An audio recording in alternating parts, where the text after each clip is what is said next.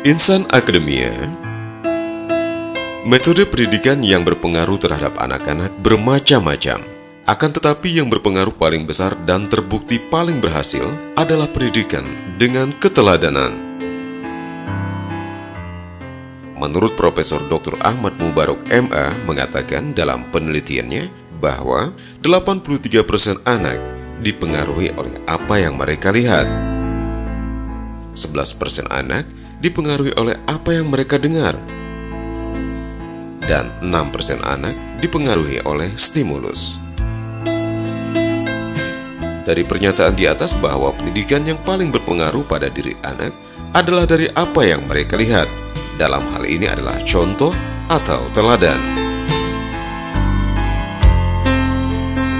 Para pendidik, yakni guru-guru di tempat anak-anak sekolah dan orang tua ketika anak-anak sedang berada di rumah adalah figur terbaik dalam pandangan anak-anak perkataan, perbuatan, tingkah laku dan sopan santun, disadari atau tidak, akan ditiru oleh anak-anak. Bahkan perkataan, perbuatan, dan semua sikap yang terlihat oleh anak-anak senantiasa tertanam dalam kepribadiannya.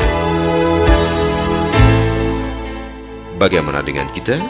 Bagaimana dengan anak-anak kita? Semoga kita menjadi tauladan dan contoh yang baik bagi mereka.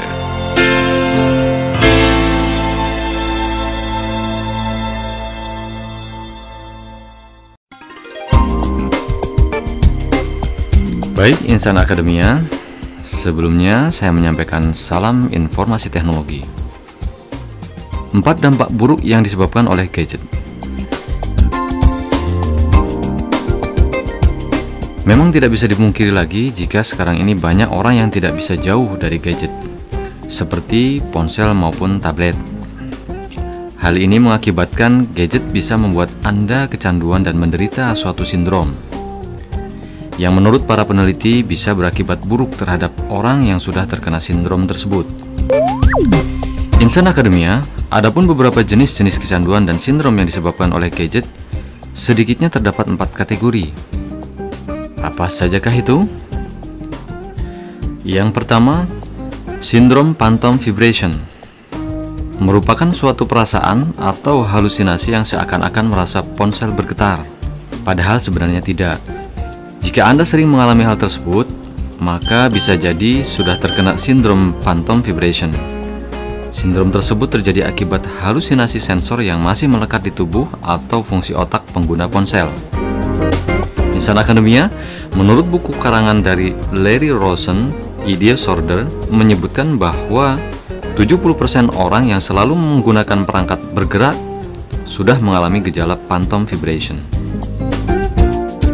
Kemudian yang kedua, kecanduan media sosial. Insan Akademia tidak dipungkiri lagi bahwa Facebook dan Twitter sudah menjadi bagian dari hidup sebagian orang, terutama kaula muda. Menurut hasil penelitian University of Chicago Booth School of Business yang melibatkan 250 responden, menyebutkan kebiasaan mengecek situs jejaring sosial dan membuat status lebih sulit disembuhkan daripada kecanduan pada alkohol atau rokok. Kemudian dampak yang berikutnya, yang ketiga yaitu kecanduan internet. Ini terjadi akibat pemakaian internet yang berlebihan secara terus-menerus. Perlu diketahui bahwa kecanduan internet bisa menyebabkan masalah sosial dan mempengaruhi kehidupan sehari-hari penderita. Kecanduan internet membuat orang menjadi merasa wajib membuka internet terus-menerus. Insan Akademia Meskipun kecanduan internet ini belum diakui sebagai penyakit oleh Asosiasi Psikiatris Amerika Diagnostic and Statistical Manual of Mental Disorders atau DSM, namun sebaiknya perlu dihindari. Kemudian yang terakhir, kecanduan video game.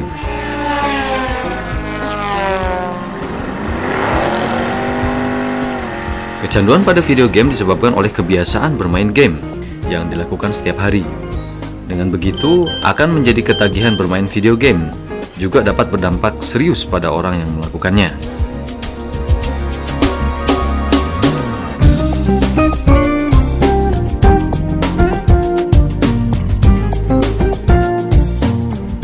Nah, demikian informasi teknologi untuk Insan Akademia sumber Messable. Semoga bermanfaat. Sampai ketemu di infotek selanjutnya.